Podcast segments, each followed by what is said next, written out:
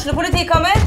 Ine Jansen er purk. Er du purk? The motherfucking bitch. Alt jeg vil, er å finne ut hva som skjedde med mannen min. Jon Carew. Er jeg sikta for noe? Iben Akeli. Det er du. Ole So, Lars Berrum og Big Daddy Karsten. Hvem sin side er du på, egentlig? Anette Hoff, Tone Danielsen, Kommer du fra Afrika?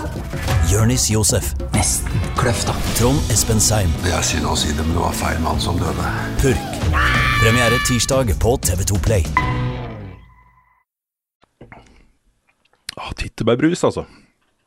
Det er det der, det. Det er brus. Mm. Og Det er derfor det heter perlene, fordi det er, det er kulsyre. Ja. For det var det jeg stussa på. var liksom Ja. han, er, han er litt over tolv og så driver og drikker musserende vin, tenkte jeg. ja, ja, nei, det er bare brus. Tror jeg, håper jeg. Etter hvert i podkasten Tyttebær. Tyttebær var god, den. Men er den ikke, er ikke litt sur, eller er den ganske god? Men den var ikke så verst, altså. Nei? Den var ikke det.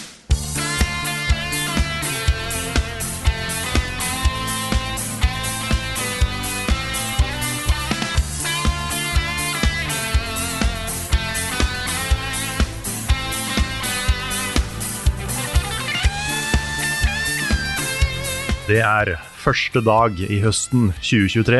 Rune har vært i verdensrommet, jeg har bygd kule jobbåtøy, og Svendsen har drevet med blasfemi. Velkommen til en ny episode av podcasten Level Backup, vanligvis med Frida Danmo. Eh, Denne uka ikke. Frida er eh, bortreist. Men Jeg er ute og forsker på aluminium. ja, hun er vel faktisk til og med på disputasen til mannen sin, er hun ikke det? Ja, det var det kanskje det hun var, ja. Mm. Stemmer. Fy faen. Eh, Men du har jo da meg, Karl Martin Aksnes. Med meg har jeg også, som nevnt i introen, Rune Fjell Olsen og Jan Martin Svendsen. Åssen har vi det? Ganske bra. Ja. Ganske bra. Så bra. Jeg koser meg med perlende tyttebær Hva for fra noe? Røros. Perlende tyttebær? Ja, ser. her. Oh, en, en, It's a drink. It's a It's a drink. Ja. Ja, i, går, I går drakk jeg perlende blåbærdrikk. Okay, ja. da- Dette var jo noen gave fra Rørosbanken. Jeg, har, eh, jeg var jo i Røros eh, tirsdag til onsdag for å holde et eh, foredrag der oppe. Mm.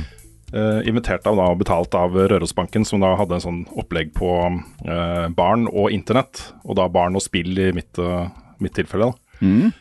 Men det var meg, og så var det politiets nettpatrulje i Trøndelag. eh, og så var det en representant fra Mot som snakket, da. Kult. Ja. Jeg vil benytte anledningen til å bare si at, eh, at det var fullt hus. Eller fullt hus var det ikke, men det var eh, rundt 100 personer i salen.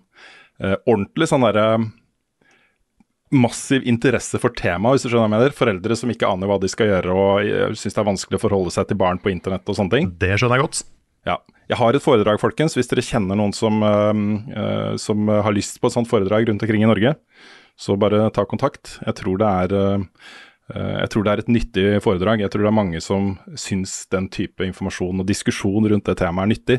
Og det foredraget er klart, liksom. Jeg kan bare sette meg på et fly og komme til din by Wow. og holde et foredrag. Så dette er en salgspitch, da. Nice. Men øh, jeg har ikke sånn penger. det er sånn, det er sånn du, kan bare, du kan bare bestille Rune med portabuddy, så kommer han. Ja. Ja, det er nesten jeg, jeg ligger inne på Volt og Foodora Ja. eh, som eh, ambulerende foredragsholder. Mm, det, er, det er liksom kinesisk, og så er det pizza, og så er det kebab, og så er det Rune. Ikke sant? Perfekt. Men, eh, men dette er eh, Jeg mener helt oppriktig at, eh, at dette er et eh, bra foredrag, og et, eh, et viktig tema. Det er noe jeg brenner for, som jeg elsker å snakke om. Så, um, så um, hvis du kjenner noen som sitter med en sånn pengesekk, eh, og et lokalt samfunnsansvar, sånn som da Rørosbanken gjør, ikke sant. Når du er en uh, stor bedrift på et lite sted hvor bare fem stykken Og jeg må få sagt Røros, altså. For en by! Det er også så pen by, med alle disse gamle husene og naturen og sånt. Jeg ble litt slått. Jeg har aldri vært der før. Da var det mange Røros-lyttere som ble glade. Ja, men det, var nesten som å vandre inn i et, et, et, et sånn fullt realistisk eh, dataspill. Satt til da liksom den tidsperioden dette var bygd i, alle disse gamle bygningene og sånt. Veldig sånn pittoresk også. Kjempepen by. Men poenget mitt er at, eh, at Rørosbanken føler jo de har et slags samfunnsansvar ikke sant? når det er en stor bedrift i en liten by, eh, og setter opp en del sånne opplegg som dette her. Og jeg syns det er en eh, bra ting, altså. Så, mm, så stille gjerne opp på den type ting eh, igjen. Det er kan, sagt. vi kan jo samtidig plugge Spillskolen, som er en uh, serie vi har laga på YouTube om, uh, om noe av det samme temaet, om barn på internett. Ja, Mye av det foredraget er jo litt basert på det jeg fant ut da jeg gjorde research til den serien. Men det har jo kommet inn en del nye momenter, og det var spesielt spennende og interessant og skummelt å høre på politiets nettpatrulje her. Fordi mens de satt og prata, så fikk jeg jo inn uh, melding nummer gudene vet, 100 fra dattera mi 'Kan jeg få Snap, please?' og så står da politiet på scenen ikke sant, og forteller alle de der greiene som skjer på, på Snapchat uh, med barn og unge. Det er, uh, det er en skummel verden. Også. Jeg syns, det, jeg syns også dette er både vanskelig og skummelt, det å navigere i de, disse tingene her. Mm. Så ja. Jeg er glad det ikke er meg. Ja, jeg er Ja. veldig glad for at jeg ikke hadde sosiale medier da jeg var liten. Det, ja, samme her. Mm. Samme her. Men før vi begynner å snakke om spill, så må vi plugge én ting til. Mhm. Fordi vi skal jo til Bergen. Oh yes. Level up, level up goes to Bergen. En uh, very special episode. Ja. Da, det er da på onsdag. Onsdag kveld finner du oss eh, i Bergen, live podcast. Hva heter stedet, Rune? Spillhuset i Bergen. Spillhuset i Bergen. Og det er også en så utrolig Jeg har vært der nå øh, og var med på en paneldebatt der tidligere i år. Eh, Blitt litt kjent med de folka som driver det, Maria og sånt. Og dette er et uh, utrolig sånn der hjertedrevet tiltak i Bergen. De er ekstremt opptatt av og, og eh, engasjert i å skape liksom en trygg og, og god arena for spillinteresserte uh, barn og unge uh, og voksne i Bergen. Og det er hele stemninga og alt rundt det stedet er bare gode vibber hele veien, liksom. Så jeg setter stor pris på at vi fikk lov til å holde podkasten vår eh, der på onsdag. Vi skal jo da til Bergen egentlig for å gjøre opptak til eh, denne eh, serien vi lager om trakassering i dataspill. Det er masse relevante folk å snakke med i Bergen. Så, så benyttet vi anledningen da til å kjøre podkasten der også. Men det blir kjempebra, altså. Um, programmet er ikke helt spikra ennå, men jeg kan jo tease med at vi prøver å få til noe uh, knytta til uh, det eh, bergenske spillindustrien. Fordi mens vi er der, altså dagen før, har Rain Games uh, sluppet Girl Genius. Og bare en uke etterpå så kommer uh, Savanta Sent remix fra Dpad. Det er jo i området, ikke sant? så det er litt spesielt at vi holder en livegreie uh, i Bergen, uh, på et sted hvor to norske spillselskaper slipper spill omtrent samtidig. Skulle nesten tro det var planlagt. Skulle nesten Mm. tro det var planlagt. Men det er jo også Ja. uh, gratis inngang, Absolutt. så det er bare å møte opp. Så da håper vi også, sånn apropos fullt hus, håper at det blir fullt hus da òg. Det hadde vært hyggelig. Det hadde vært kjempehyggelig. Arrangementet starter, eller podkasten starter klokka 18. eh, og varer halvannen til to timer ish. Ja. Så, um, så vi gleder oss veldig til det også. Jeg har lyst til å bare nevne én ting til, kan jeg gjøre det? Siden vi er liksom i starten her og vi snakker om oppfordringer og den type ting. Kjør på. Nå er det snart valg, folkens. Ja, det er det. Lokalvalg. Mm. Um, sørg for å bruke stemmeretten din også. Det er kjempeviktig å være en del av et demokrati. Uh, selv om du kanskje ikke er sånn megainteressert i politikk og har satt deg så godt inn i lokalsaker og sånn, finn deg et par saker du er interessert i. Det finnes sånne valgomater på alle de store, store nyhetssidene. NRK, VG, TV 2, Dagbladet osv. Hvor du kan sjekke da, uh, din mening satt opp mot meningene til de politikerne du faktisk skal stemme på i den byen du er i. ikke sant?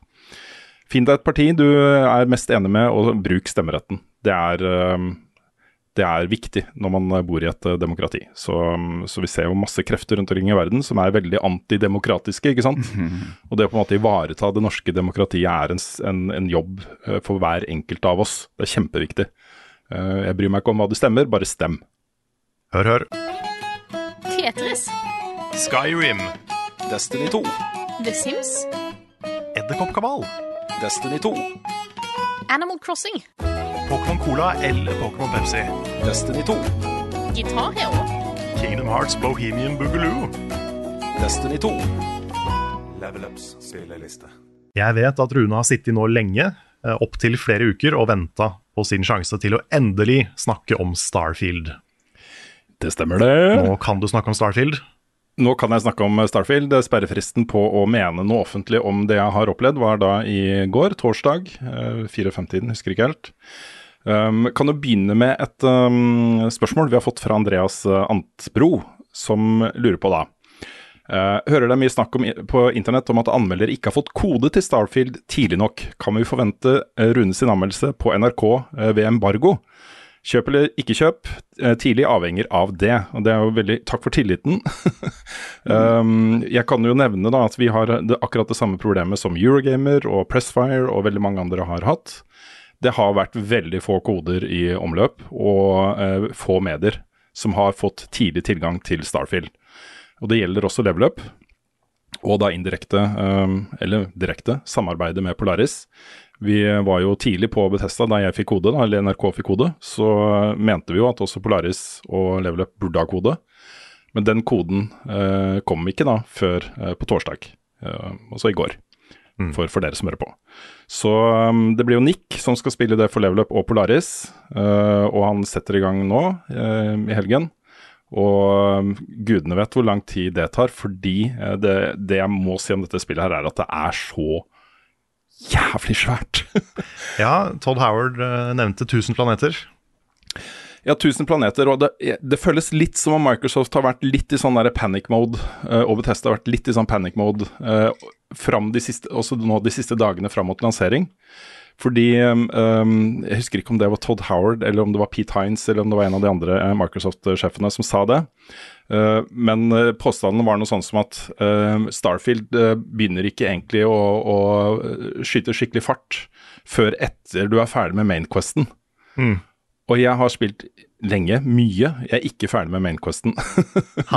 Så og det er liksom um, Alle disse påstandene om at det er stort, er altså så sanne. Ja. Um, og, ja. Men er, er det fordi du ikke har prioritert mainquesten, eller er det fordi den bare er kjempelang? Det er begge deler. Okay. Det er begge deler. Uh, jeg var klar, jeg har skrevet utkast til en anmeldelse. Uh, men NRK ba meg om å vente til neste uke fordi det var så mange andre altså det, Dette blir veldig internt da for NRK. Uh, men de har jo x antall anmeldere, og så er det x antall plasser på front. Uh, og så er det sånn puslespill, og så ville de gjerne at jeg skulle vente da til neste uke. Så jeg tror ikke den kommer før på lanseringen den sjette.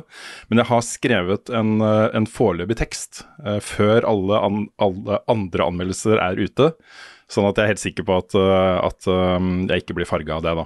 Um, men når det er sagt, da, så er jeg fortsatt ikke helt sikker på hvor jeg kommer til å ende opp på terningkast på det, spillet her. Og da det, det som har vært på en måte min vei gjennom dette spillet, har endra seg veldig fra time til time. Også de første timene syns jeg var nesten direkte dårlige. Um, og så ble det liksom bare bedre og bedre, og nå etter sånn 30 timer cirka, så snudde det for meg. Da var jeg plutselig i gang med en quest som er en sånn type quest som jeg mener er hjertet i Starfield, hvor jeg var på et oppdrag eh, for en uh, faction. Jeg har ikke lyst til å si liksom hvilken faction og sånne ting, uh, sånn at uh, jeg ikke spoiler for mye. Men det var et, et, et litt sånn stort startoppdrag for en av de fem factionene som er i dette spillet her. Hvor eh, eh, du lander da på en planet, og går inn i en, en sånn eh, eh, kjempesvær bygning. Uh, sammen med en annen rookie, da, en annen som også akkurat har blitt initiert i den uh, organisasjonen her Uh, og sjefen for organisasjonen, og noen sånne goons, sånne soldater eller folk med våpen, som er med. Og så blir du separert, og da begynner han andre rookien liksom å hm, Kanskje vi, den der skatten vi er på jakt etter, kanskje vi skal bare liksom drepe sjefen for uh, den greiene her, og så ta den skatten sjøl? Og så må du liksom begynne å ta, vurdere det, da. Ja, kanskje stoler jeg på han, stoler jeg på uh, han sjefen for dette her, stoler jeg på hun som er nestkommanderende, stoler jeg på Altså hvem skal jeg stole på, hvilken vei skal jeg ta her, ikke sant. Og da innså jeg at det jeg kunne gjøre, var liksom å bare følge oppdraget som det er skripta, liksom. Du gjør den jobben for han sjefen. Finner de tingene du skal finne, leverer det, bare fortsetter questen på den måten. Du kan drepe han der andre rookien. Eh, du kan drepe alle som er der, og ta skatten for deg sjøl og bare stikke av og gjøre noe helt annet. ikke sant? Altså, det er så mange av den type options, og blir, du blir Altså, spillet på, uh, endrer seg etter hva du gjør, selvfølgelig, men ingen, du blir ikke nekta å gjøre det. Nei. Ved et tidspunkt så drepte jeg ved et uhell sjefen for Constellation, som er den første faction du blir en del av. Det er en sånn der, eh, sånn der eventyrergreie som, eh, som på en måte etterforsker disse her eh, mystiske artefaktene som de finner rundt omkring, ikke sant? Litt sånn Thor Heyerdahl in space. Ved et uhell så drepte jeg sjefen for det greiene, da. Og da plutselig begynte alle de andre å skyte på meg. Vennene mine begynte å skyte på meg. Og det var eh, Da kunne jeg fortsatt da, med det som, et, eh, som en hendelse i dette spillet som påvirka resten av spillet mitt. Jeg gikk tilbake til en tidligere save, da, for det, det kunne jeg ikke leve med. Nei, det, det høres ut som sånn vi holder på i Boulder Gate, Svens. samme, samme Quest-designet. Men det som er tingen er at den type frihet og den type avanserte vurderinger og etiske vurderinger, hvem vil du være i dette universet, det blir liksom ikke ordentlig viktig før du har spilt ganske langt. Um, jeg, jeg tror nok jeg, så, som mange andre, kom, kom, spiller dette spillet litt sånn tralte med. Altså Du får et nytt oppdrag, de løser det, ser hvor det bærer. Tar et nytt oppdrag, ser hvor det bærer. Eh, men du kan liksom fra første stund, da, fra uh, åpnings-tutorial-området du er på liksom er over, så kan du bare fise ut og gjøre noe helt annet. Alle questene ligger der og venter på deg. Du eh, kan starte de når du vil, men du kan også bare gjøre dette her til din egen greie, liksom, fra starten av. Og det er ganske overveldende, altså. Det er um, um, for min del så gjorde det at det tok litt tid før jeg ble ordentlig engasjert i det som skjedde. Det var um, litt, litt sånn museskritt i starten, uh, av naturlige grunner. da. Mm. Um, når det blir liksom mange retninger og mange museskritt på mange mulige uh, retninger den spillet her kan ta, da, så syns jeg det ble litt spakt. Um, Ja, for Hva er grunnen til at starten er så dårlig? Uh, det, det, er todelt. Det ene er at, at um, altså disse valgene man tar, jeg tror det er det som er kjernen i det. Uh, og, og, måten du blir presentert de valgene på, de retningene samtaler kan ta og sånt, er litt sånn uinspirert i starten, syns jeg. Altså det, du, får, du, får, ikke noe connection med de folka med en gang, så du blir ikke så ordentlig engasjert i det som skjer. Uh, men det er først og fremst fordi også, Jeg så noe et eller annet på nettet om at um, at det er ingen som vet hva level capen i Starfield er. Også det er tydeligvis da, uh, enten drithøyt eller uendelig. Også du kan fortsette å levele i uh, all evighet, liksom. Det tar ganske lang tid før du får et ferdighetspoeng. Um, og skill-treet er kjempesvært, og det er delt opp da, på forskjellige ting. Sånn teknologi eller helse eller skyting eller bla, bla, bla. Mm, samme, som, samme som Skyrim, sikkert. Veldig likt det, det type systemet. Uh, og hver, innenfor hver node også så kan du videre spesialisere deg. da. Så hvis du f.eks. har valgt en node som er sånn uh, 10% mer helse, så kan du fortsette. Neste skill point kan du legge inn. Du kan gjøre noen challenges, og så kan du legge inn det neste skill pointet også på det. ikke sant? At du får 20% mer helse, 30% mer helse. ikke sant? Så dette kan du holde på med en evighet. Og det som er utfordringa da, er at spillet blir ikke ordentlig spillbart og gøy å spille før du har investert ganske mange skill points inn i det uh, skill-treet. Uh, og da tar det også litt tid før du føler at du virkelig har en impact på den verden her, ikke sant. Mm. Uh, så jeg tror det er mye derfor folk også snakker om at spillet ikke tar av før ikke sant, langt ute i spillet, og det tror jeg er ganske riktig. For de fleste vil det være ganske riktig. Og så har du også uh, den tredje elementet, som, som, er et litt større problem, syns jeg. Um, og det er at jeg har liksom sett for meg at dette her skal være den liksom ultimate space-opplevelsen. Eller det jeg håpa på, da. Ikke sant? Den derre uh, For all mankind, uh, men som spill. Dette er på en måte en sesong nummer 100 og et eller annet av For all mankind. Og For de som ikke kjenner den serien, så tar den utgangspunkt i dagens teknologi og NASA og, og kappløpet og månen og sånne ting. Og så begynner den å spinne en uh, alternativ historie ut fra det. da. og litt sånn spoiler alert, men de kommer jo etter hvert til Mars i den serien. Og det er der på en måte forhistorien til uh, Starfield starter. Så den, den, starter på en måte med uh, liksom månekappløpet, uh, Mars-kappløpet, jorda blir ubeboelig, vi må komme oss ut i universet. Og så er du 300 år ca. seinere, og da har menneskeheten befolka alle disse nye planetene ikke sant? utenfor solsystemet vårt. og det er basert på da det, man, man, lager et tankeeksperiment av hva om dagens teknologi, dagens vitenskapelige forståelse av romfart osv. får lov til å utvikle seg eh, i 300 år. Hvor står vi da? Så den føles veldig sånn Det er, det er veldig feil å si jordnær, men det er på en måte det, litt det det er. da. Det er ikke sånn der, det er ikke Star Wars, liksom, eller Guardians of the Galaxy. Uh, eller Mandalorian. Det er uh, NASA in space om 300 år, på en måte. Så, så, så, jeg hadde sett for meg det. ikke sant? Den mm. der gleden av å få lov til å utforske verdensrommet på den måten. Å lande på planeter og lage baser og researche uh, mystisk dyreliv og fantastisk ikke sant? Men så er det uh, Den delen av spillet er delt opp av filmatiske sekvenser. Så det er sånn du kommer inn i et nytt uh, solsystem, ser planetene, lander på planeten, uh, da, men da får du en cutscene av at du lander på planeten. Og så kan du ikke fise rundt på overflaten uh, på den planeten, eller månen. Du må liksom gå. det er ikke noen landkjøretøy, eller du kan ikke fly med romskipet ditt rett over bakken for å finne et kult sted å lande. Du må liksom bare gå. Eh, og det du opplever eh, da, er at du, okay, du får opp noen ikoner på kartet. Der er det noe du kan eh, undersøke, om en hule eller en, en, en menneskelig installasjon eller et eller annet. Så kommer du dit, og så er det, den er helt lik den forrige hula du var i. Eller den forrige Ikke sant. Det er um, verdt å gjøre det, fordi du kan grinde ut nye våpen, og du får XP, og det er mye items og ting du kan selge og sånt her. Men uh, det er mye copy-paste. Altså. Ja, Det var det jeg var litt redd for når jeg hørte De tusen planetene. Fordi ja. da må det være mye copy-paste. Det, det, det, blir litt sånn Mange av de planetene kommer til å være veldig like og ganske kjedelige, tipper jeg. da. Nå har ikke jeg spilt Starfield, men det høres sånn ut. Jeg har til gode å lande på en planet hvor bare sånn Å, her var det fett. Oi. Ja, det er, er. Her har jeg lyst til å bygge base og Mm. Der, der syns jeg No Man's Sky er bedre, uh, på den der gleden av å få utforske. Men også, det er litt uh, dårlig gjort å sammenligne de to direkte også, fordi No Man's Sky er jo mer sånn uh, Ok, her gjør vi gamification av, av space. Altså, det er ikke, det er ikke innenfor noen vitenskapelige regler at du på en måte bare setter deg inn i romskipet, fiser over hele planeten, opp i, opp i uh, verdensrommet, og så ser du de andre planetene i solsystemet. Så kan du bare kjøre rett til de og inn og så ned og rundt og lande og sånt. Det er ikke, det er ikke den viben uh, Starfield går for. Uh, men allikevel så føler jeg at jeg får mer den derre bruset i blodet av å utforske space av å spille No Man's Sky. Og jeg, mm. jeg savner det i Starfield. da. Ja.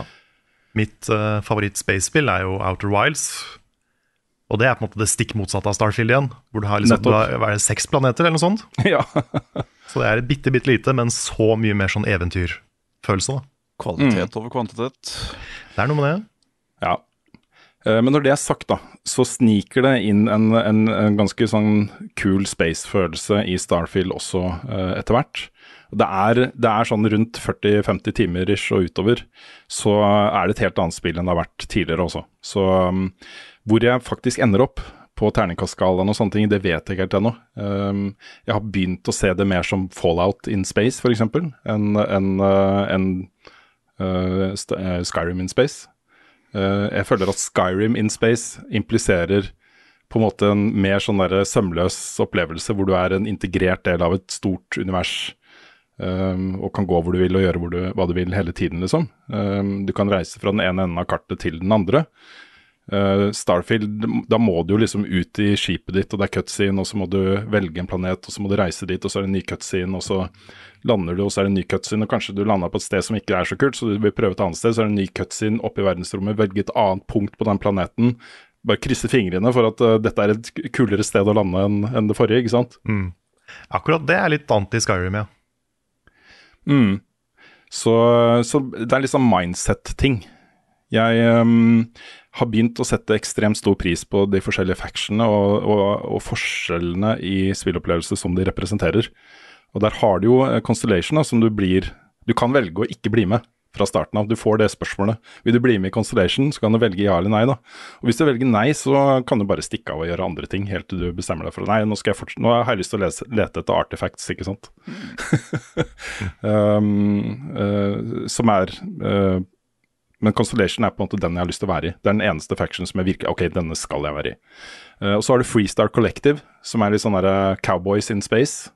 Hvor uh, du blir litt sånn, du kan velge da, å bli litt sånn sheriff. Tar oppdrag. Uh, solve crime. Ja, Det er han fra traileren, han som uh, never loved anyone before like you. ja. ja. Og så har du United Colonies, som jo er på en måte den Det er The Empire, men ikke sånn um, det er ikke, det er ikke, De er ikke slemme per definisjon, de er bare litt sånn totalitære. Og det er, eh, De fleste mennesker er på en måte en del av uh, United Colonies. Uh, men du må søke om å bli med. Også det er en sånn opptaksprosess, og du får en del fordeler av å bli med. Og du får lov til å bo i, New Atlantis og sånne ting. da.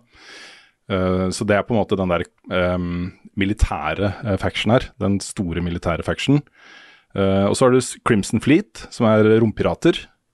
Um, og så har du uh, to sånne corporations, uh, Ryan Industries og uh, Xenofresh Corporation. Ryan er mer sånn du, du går inn og så søker du på en jobb. Så får du liksom en jobb, og så, får du, så jobber du for de. og Xenofresh er litt mer sånn lyssky-greier, da, basert på gambling og dop og, og sånt, men også en slags jobb, da. Uh, du kan ha flere factions samtidig. Du kan uh, bli en spion for United Colonies og spionere på uh, Crimson Fleet. Um, og du kan velge da å takke ja til det oppdraget, men så være dobbeltagent. Det er, det, er, så mange sånne ting da du kan mikse og matche der, liksom. Og der syns jeg Starfield er dritbra. Den den uh, utrolig Det er en sånn kjempestort edderkoppnett av forskjellige muligheter og retninger spillet kan ta, og du er veldig i kontroll over de retningene, og det syns jeg er dritbra. Uh, og så vil jeg også få sagt, da, for dette er det mange som har spurt om og lurt på Spillet er nesten feilfritt uh, teknisk. Hmm. Um, det, er, det, er, litt sånn issues med framerate og sånne ting, og jeg spiller jo på PC. Eh, hvor, eh, hvor, du kan få 60 FPS. Jeg har satt på en sånn FPS-counter innimellom. Uh, det er ofte 30 og 40 der også, men på, på, Xbox Series S og X så, så, er det jo 30 per definisjon. Men sånne bugs og sånne ting, at du spiller krasjer, at du får rare dialoger, alle disse tingene her, det um, har jeg nesten ikke opplevd. Det er nesten det er, hørt å være beta-testa. Jeg er nesten sjokkert ja, over at det, er, det, flyter så greit. Det er kanskje første gang. Ja, det er, det er, helt utrolig. Det er helt utrolig. Uh, jeg vil jo si da at den engine som du bruker her, er ikke verdens beste, altså. Uh, det er litt sånn nedtur etter de der fantastiske mocap uh, cutscenesene i Boulderskate 3 og en del andre spill, dialoger, hvor mye liv det er i disse virtuelle rollefigurene. Det er litt stivt. Se, det er litt stivt. Det er ja. ikke ansiktsanimasjoner er nok den tingen jeg har reagert mest på i det vi har i hvert fall pre-release, da det jeg har sett. Mm. Og så er det, syns jeg det er vesensforskjell på uh, det visuelle uttrykket når du er uh, ute på en planet. Uh, der syns jeg det er mye generisk og litt sånn kjedelig natur. og innsiden av bygninger og huler og, og, sånne ting, som ser mye bedre ut. Det, er, altså, det ser altså så fresht ut. Uh, og da er det, det er litt synd da, med et spill som foregår in space, på masse, på 1000 planeter. At det er innsiden av bygningene som på en måte ser best ut. mm. så, så, det syns jeg er litt synd. Jeg vil jo liksom bli blåst litt av banen av de der svære, rare, nye naturopplevelsene, på en måte. Som ikke ligner på noe som fins på jorda. Mm. Ja, Det som er kulest der, er jo dette mysteriet med disse artefaktene, da. Uh, som uh, tar av ganske fort. Uh, og som eh, nok er på en måte den viktigste røde tråden gjennom spillet. Det er nok den jeg kommer til å fullføre først, uh, og det er den som gir meg mest glede. Og det er jo ordentlig mystisk. Hva er dette her for noe? Jeg skal ikke spoile noe hva som skjer uh, seinere der, men det er altså et utrolig stilig mysterium som, som er kjempekult. Og den inkluderer da også noen sånne slags tempellignende bygninger som du kommer inn i. Dette har blitt vist i trailer og sånt, så det er ikke spoiler men uh, hvor det skjer ting da, som, um, som også påvirker spillopplevelsen ganske betydelig. Så alt i alt så, så, vil jeg jo si at uh, Altså, det kommer ikke til å bli uh, slakt, det kan jeg, det, såpass kan jeg si. Men hvor høyt jeg kommer over terningkast én eller to, det vet jeg ikke helt ennå. Jeg, jeg, må tenke litt og spille litt mer. Um, og, og lande på noe. Eh, det er en kjempeutfordring, altså, fordi jeg vet jo at, at min opplevelse av dette spillet vil være helt forskjellig fra den Nick har. Ja. og den eh, millioner av andre mennesker har. Vi velger forskjellige retninger, vi velger forskjellige factions. Vi eh, spiller på hver vår måte, vi utvikler hver våre skill-trær. Fokuserer på forskjellige ting. F.eks. hvis jeg prioriterer å, bli god på teknologi og hacking og sånne ting, og kanskje prioriterer bort Space Combat, så vil alle Space Combat uh, encounters som jeg har, være dritkjipe. Fordi du har ikke nok uh, Du har ikke nok uh, um, skjold, kraftig nok våpen, kanskje feiler en del, uh, osv. Mens du er dritgod på å hacke safes og sånne ting, da. så, så, så det, det på en måte å si noe bastant, universalt, noe som gjelder for alle når det gjelder dette spillet, her, er fryktelig vanskelig. Så jeg, det, jeg kan bare snakke om min egen personlige opplevelse, ikke sant. Mm. Det, det, den vil være forskjellig fra alle andres. Nå er jeg enda mer nysgjerrig på å lese anmeldelser enn jeg var før du begynte å snakke. Jeg er kjempespent, og jeg, jeg, tror jo, jeg tror jo at her vil du lese både helslakt Uh, Folk som, uh, som ikke har fått det spillet de ønska seg, eller som har hatt opplevelser som de ikke liker.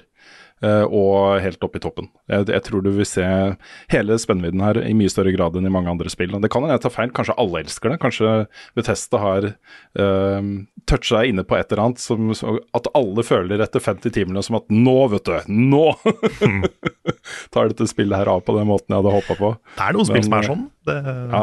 kan, kan skje. Det kan skje. Jeg, jeg har fått ett spørsmål til om eh, Eller vi har fått ett spørsmål til om uh, Starfield. Skal vi se om jeg finner det igjen. Uh, som jeg tenkte vi kunne ta her, det også, før vi runder av praten om Starfield. Uh, fra Jonas Heitmann, som lurer på hva vi syns om at de tar 300 kroner for å få tilgang fem dager tidligere. Eh, og det er jo sånn at Hvis du forhåndskjøper da Digital Deluxe Edition av Starfield, så kan du begynne å spille det i dag, fredag. Hva syns vi om det? Jeg har alltid rynka litt på nesa om det, skal jeg være helt ærlig. For da, spillet er jo ferdig, men det er liksom den siste barriere for å prøve å skvise ut enda litt mer penger. Ja. Det er, en, det, er en tynn, det er et tynt insentiv for å kjøpe en, eh, en special edition. Ja. Det er liksom bare Vi kan gi det ut fem dager før, men vi gir det bare ut for en liten eksklusiv klubb med mye penger. Det, det, er, liksom, det er ikke veldig kult. Samtidig så er jeg litt letta over at ikke det er noe viktigere. At det på en måte Ja, det er kjipt å vente fem dager, men hvis du måtte betale 300 kroner for å få en bedre versjon av spillet, så hadde det også vært kjipt, på en måte. Mm. Så Ja, jeg, jeg er litt der, jeg også. også. Dette her er veldig sånn åpenbart. Du velger selv å bruke de 300 kronene fordi du har lyst til å spille det fem dager før.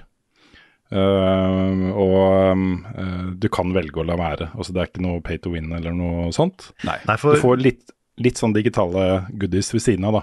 ja, I multiplayer-spill så er det et større problem. For Ja, da, blir, mm. da rekker jo på en måte de fem første dagene rekker folk å bli gode og grinde, og, og da blir det ikke noe gøy å spille mot dem når spillet kommer Nei. ut. Mulig jeg drar Det rett ut av ræva, men var det ikke sånn med det derre Er Battlefront, er det Star Wars? Ja. Var det ikke sånn når toeren kom ut, at du kunne spille et par dager før? Det tror jeg stemmer.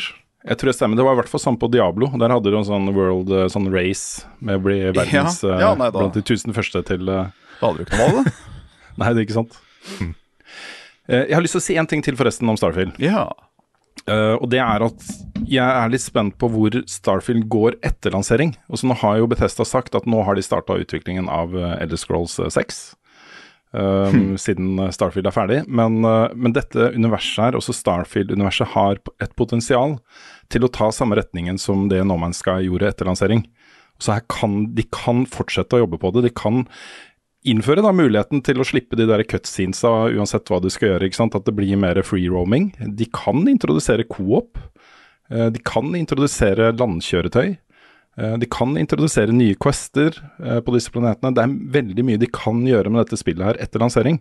Og Jeg er veldig spent på om de går den retningen, eller om de eh, på en måte gjør ferdig dette universet her, sånn som med Skyrim f.eks. Eh, og så bare lar det leve sitt eget liv på 10 000 forskjellige plattformer i eh, framtiden. da.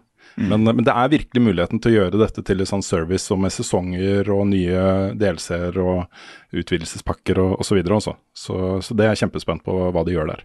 Det kommer til å bli gøy å følge med på hva moddere gjør også. De liker jo å kose seg i Bethesda-spill. Det er de som eh, puster liv i Bethesda-spill.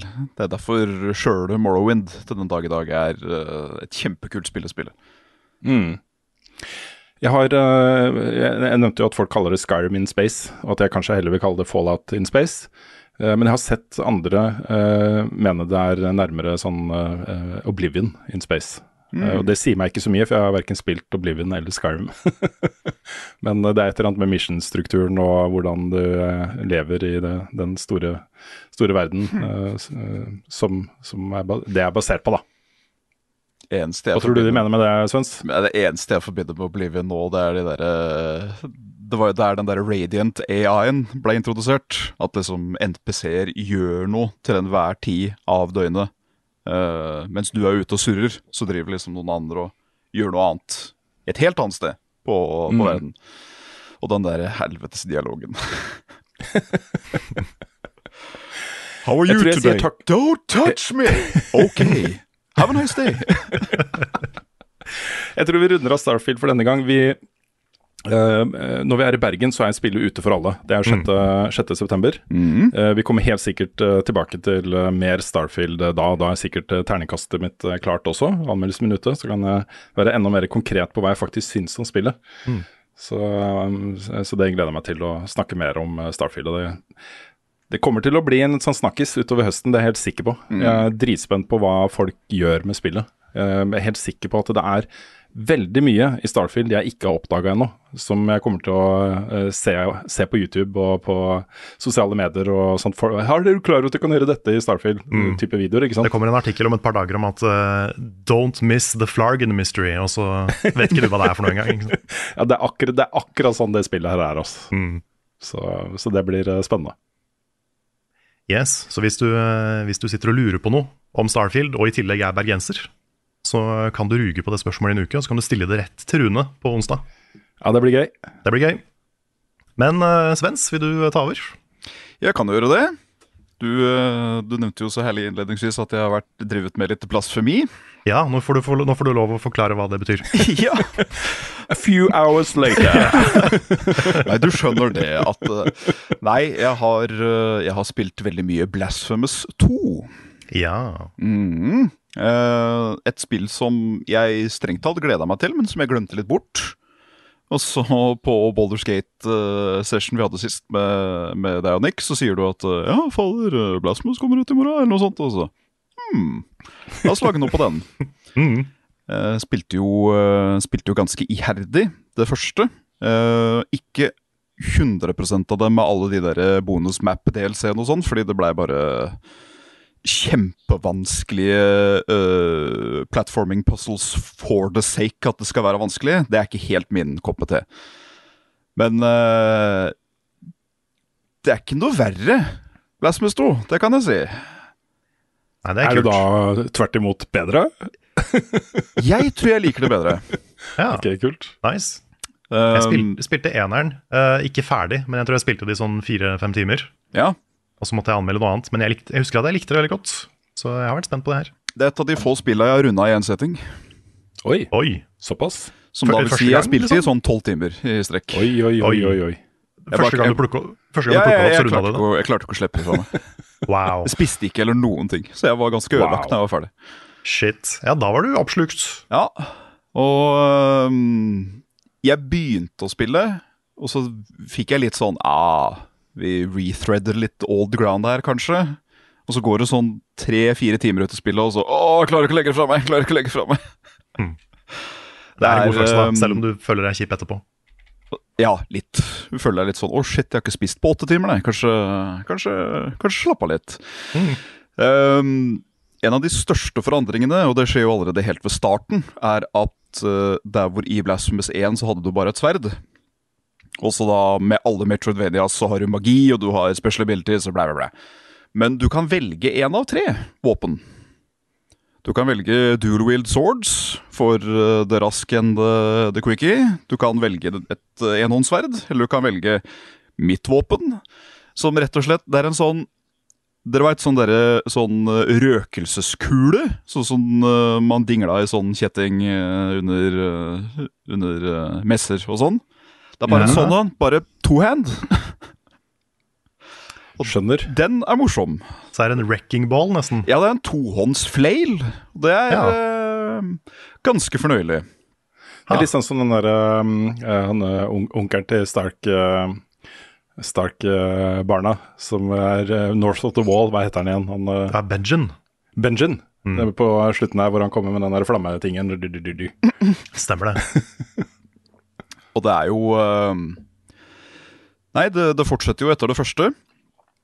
Eh, og Er det sammenhengende historie? Ja, eller er det- absolutt. ok. Eh, så kult. det er den Altså, du får en ganske fin uh, sånn ish recap ved, ved starten av spillet gjennom en cinematic. Men jeg vil absolutt påstå at spiller det først først.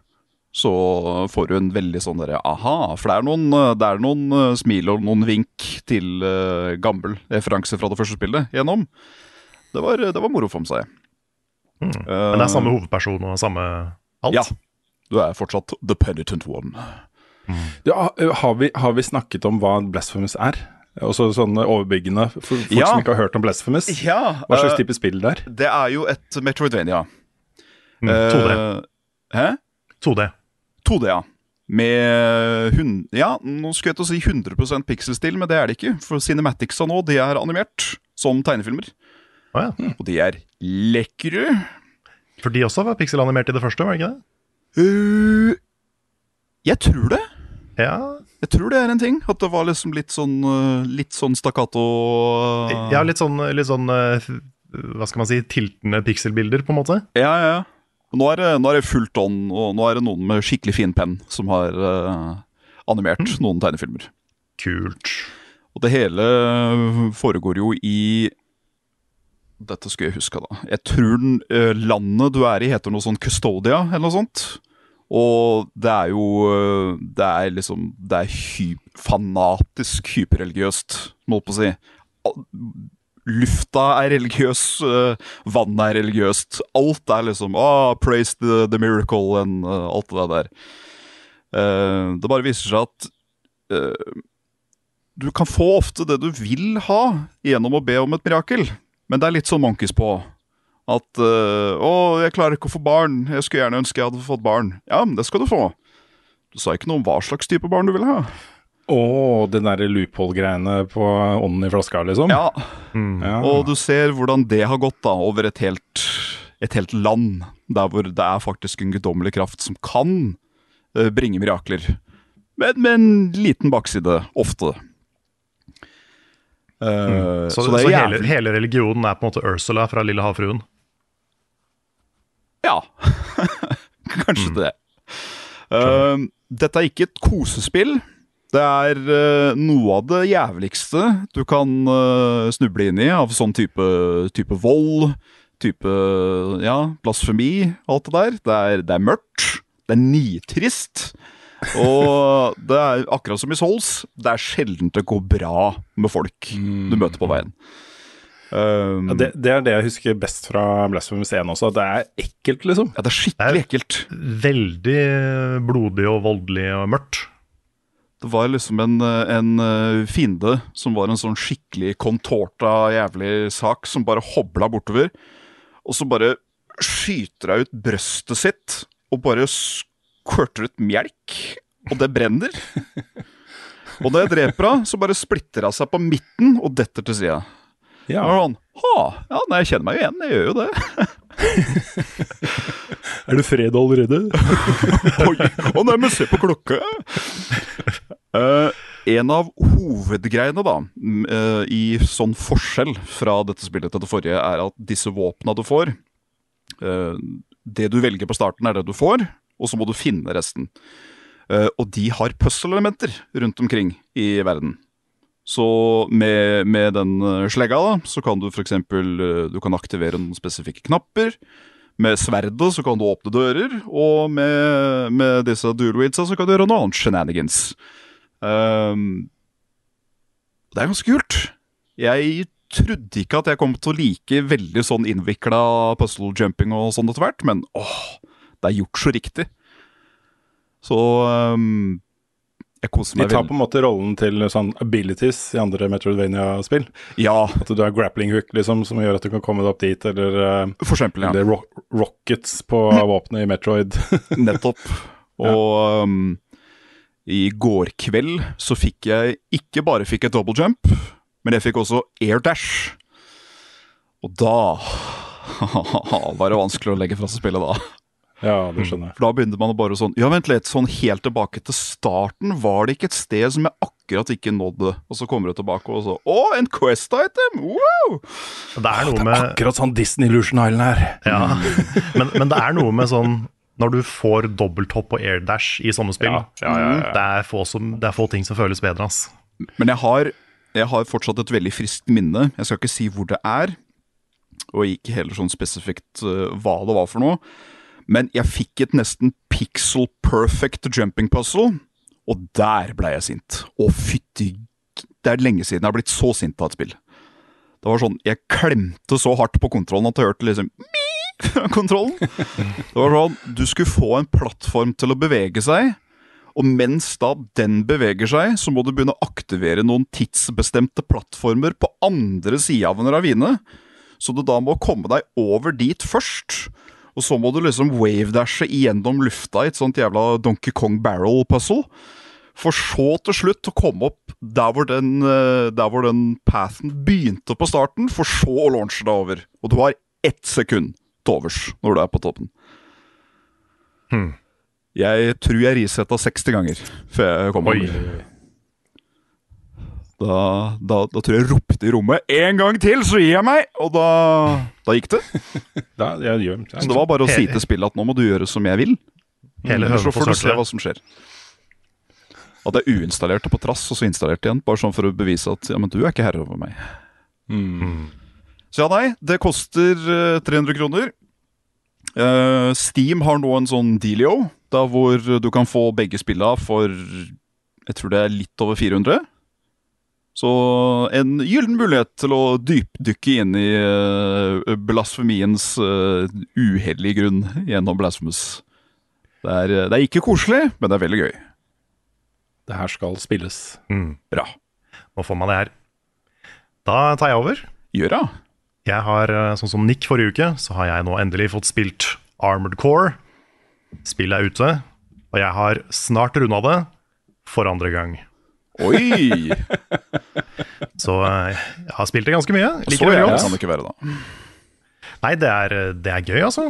Det er eh, ikke, ikke forvent et uh, Souls-spill, Det er kanskje det første viktigste å si. For det er noe veldig annet. Dette er et uh, Mech Combat-spill med en helt annen flyt. Everything der- explodes.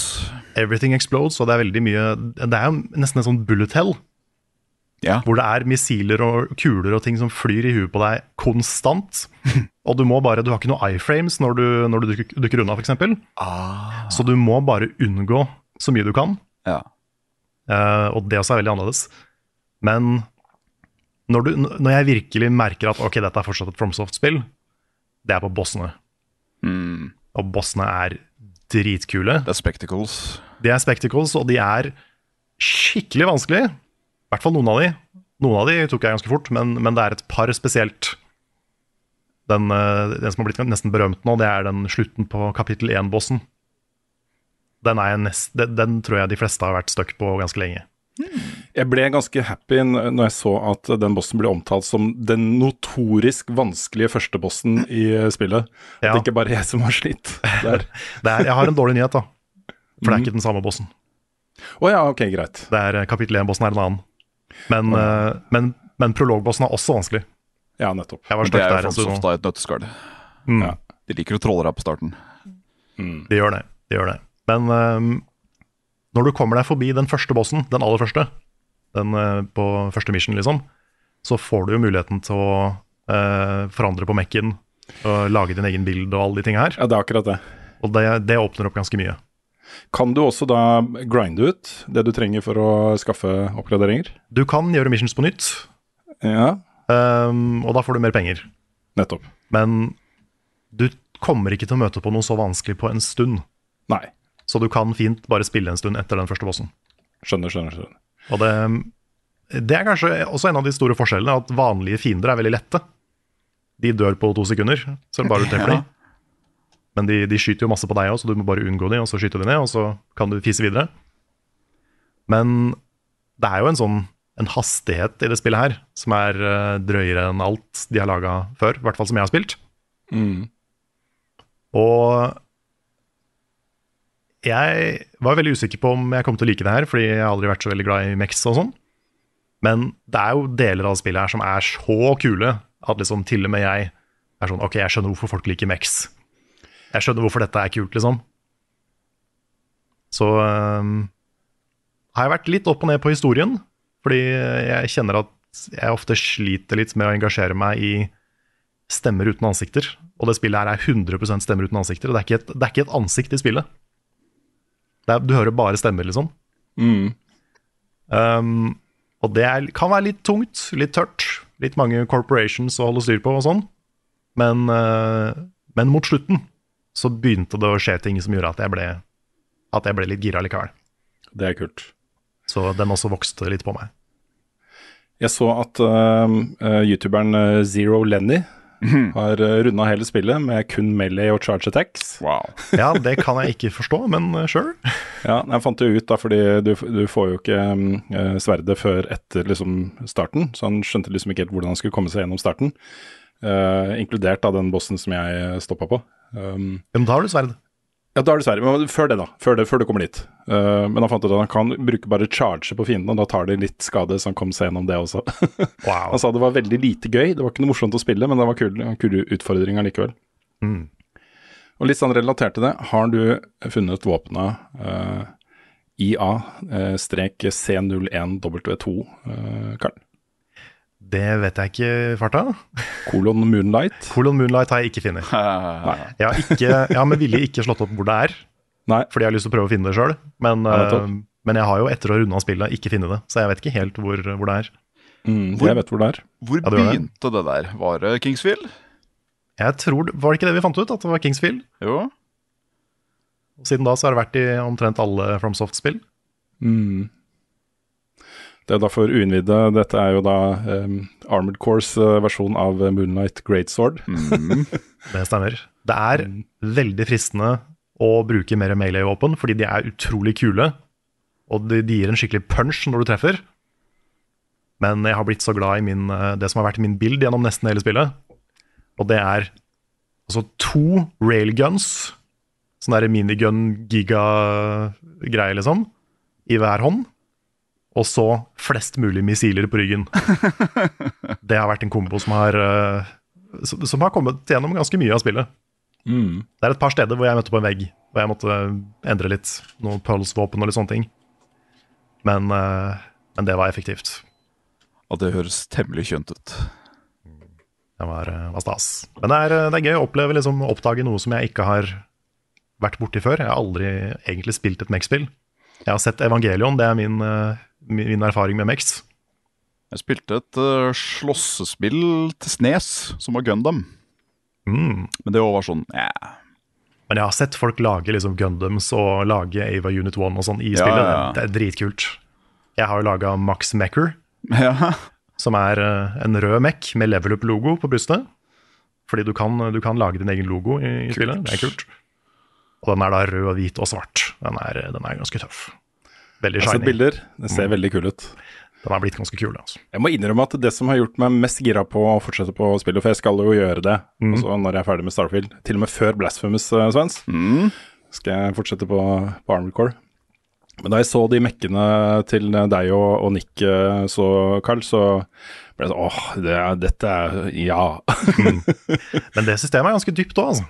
Du kan liksom kombinere logoer, og du kan lage din egen, og du kan eh, bytte på du, du kan individuelt designe hvert eneste, liksom, hver eneste bit av den maskinen. Oi. Mm. Så du kan, der kan du sitte i noen timer hvis du først begynner. Altså.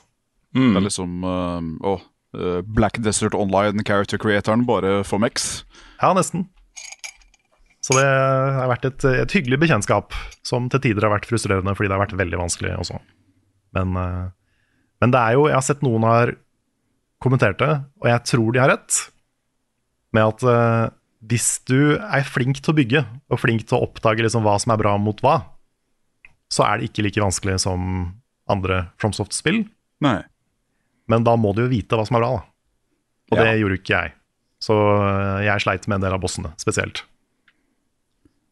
Jeg så um, Det dukka opp en video i feeden min i dag. Jeg um, så ikke på den, men det var bare bilde av noe Jeg skjønte ikke hva det var for noen gang, men så står det underteksten uh, Chainsaw Motorboat. så da var jeg sånn Å ja, du kan Ok. Ja, Det er virkelig go nuts. Ja, ja, du kan gjøre ganske mye rart, altså. Det er jo, jeg spilte jo med to bein gjennom mesteparten av spillet, men du får jo sånne firebeinsmaskiner som kan fly. Mm.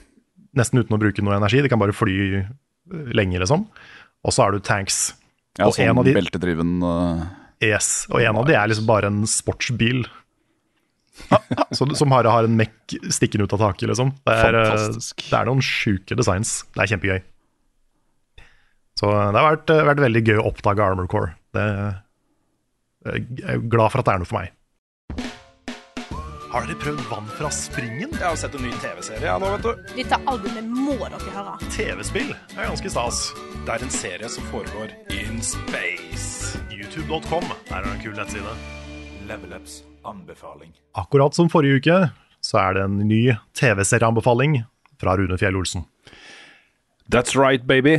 Um, og dette er en uh, litt mer sånn overkommelig ting å få med seg, da. For det er nemlig bare fire episoder. Ok. Fire fingre, fire episoder. Det er den nye serien til uh, Steven Moffat, som da blant annet uh, har lagd den fantastiske Sherlock-serien uh, for BBC. Uh, den heter Inside Man og ligger på Netflix. Det er fire episoder på ca. en time hver. Uh, den kom litt sånn ut av ingenting for min del. Jeg bare så uh, Inside Man, og det er så mye som heter Inside Man og Inside et eller Job, og jeg tenkte dette er noe som har vært ute lenge, men hei, 2023, hva i all verden er dette her for noe? Så så jeg da at det var Steven Moffat som sto bak, så da måtte jeg se den, med da David Tennant, uh, Tennant i den ho ene hovedrollen, uh, og Stanley Tucci i den andre. Og premisset er veldig kult. Eh, jeg, dette er på en måte ikke Jeg vil ikke si det er peak Moffat, dette her.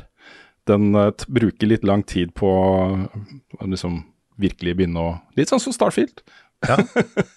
det tar litt tid før, eh, før eh, de virkelige kvalitetene den, den miniserien dukker opp. De blir bra etter de første fire episodene. Etter de fire første episodene. Men det, det utvikler seg til å bli en en veldig sterk og god eh, sånn Fargo-lignende eh, historie, dette her. Med potensial for flere sesonger. Og premisset er at um, um, jeg, jeg, vet hva, jeg skal ikke si så mye om premisset. Jeg kan si noe om Stanley Tuccis rolle. Han sitter på death row i USA, dømt for drapet på kona si. Eh, men han er en sånn derre uh, forensic eh, eh, ekspert. eh, og utrolig god på å eh, finne fram til løsninger på mordgåter og den type ting. Også ting som Politiet finner ikke ut hvem som har gjort det, eller hva som har skjedd. og sånne ting. Så de kommer til han da, med oppdrag, eh, og han velger da oppdrag og får lov til å bistå i drapssaker og den type ting, mens han sitter da på death row. Um, og så blir det da en link til, eh, til en sånn greie som utvikler seg da i Storbritannia. Um, det er egentlig det jeg har lyst til å si om selve historien. Fordi det er, det er så mange vendinger her at det er dumt å avsløre for mye.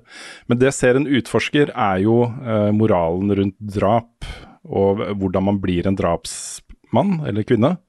Um, hva slags um, um, um, Og så den, den utforsker litt den derre uh, påstanden om at hvem som helst under gitte forutsetning kan bli en morder. Um, og hvordan påvirker det på en måte eh, eh, Hva skal man si, hva slags person det er snakk om. Og så har du drept noen, er det på en måte det som definerer deg eller ikke? Um, og den gjør det på en veldig sånn litt sånn langsom måte. Det kommer sånne vendinger innimellom som bare pusher hele narrativet inn i en retning som er mye mørkere og mye mer sånn hardt uh, uh, hardtslående enn det har vært. Og så den rusler på en måte litt av gårde, og så skjer det noe, og så blir det å, shit. Og så utvikler den seg derfra, da. Og den blir altså så uh, mørk og så uh, intrikat etter hvert at uh, særlig siste episoden, men de siste to episodene, siste halvdelen av denne serien her, var sånn ordentlig, ordentlig uh, fjetra til skjermen, som det heter. Det var kjempespennende. Så jeg så de to i natt. Og så så jeg de to første tidligere uka. Um, og det, en, det endte opp med å bli en veldig veldig god historie, altså. Og har noen, hva skal man si, strukturmessige likheter med et Sherlock Holmes-mysterium. Uh, så det kan jeg jo nevne. At det, kommer, det, er, det er ting som skjer her som man ikke helt kan se komme, da. Men jeg syns det var veldig gøy å se en ny Moffat-serie, og um, dykke ned i den historien her, som er veldig unik og spennende og uh, annerledes. Så, så litt sånn utenfor allfarvei Netflix-opplevelse, dette her også.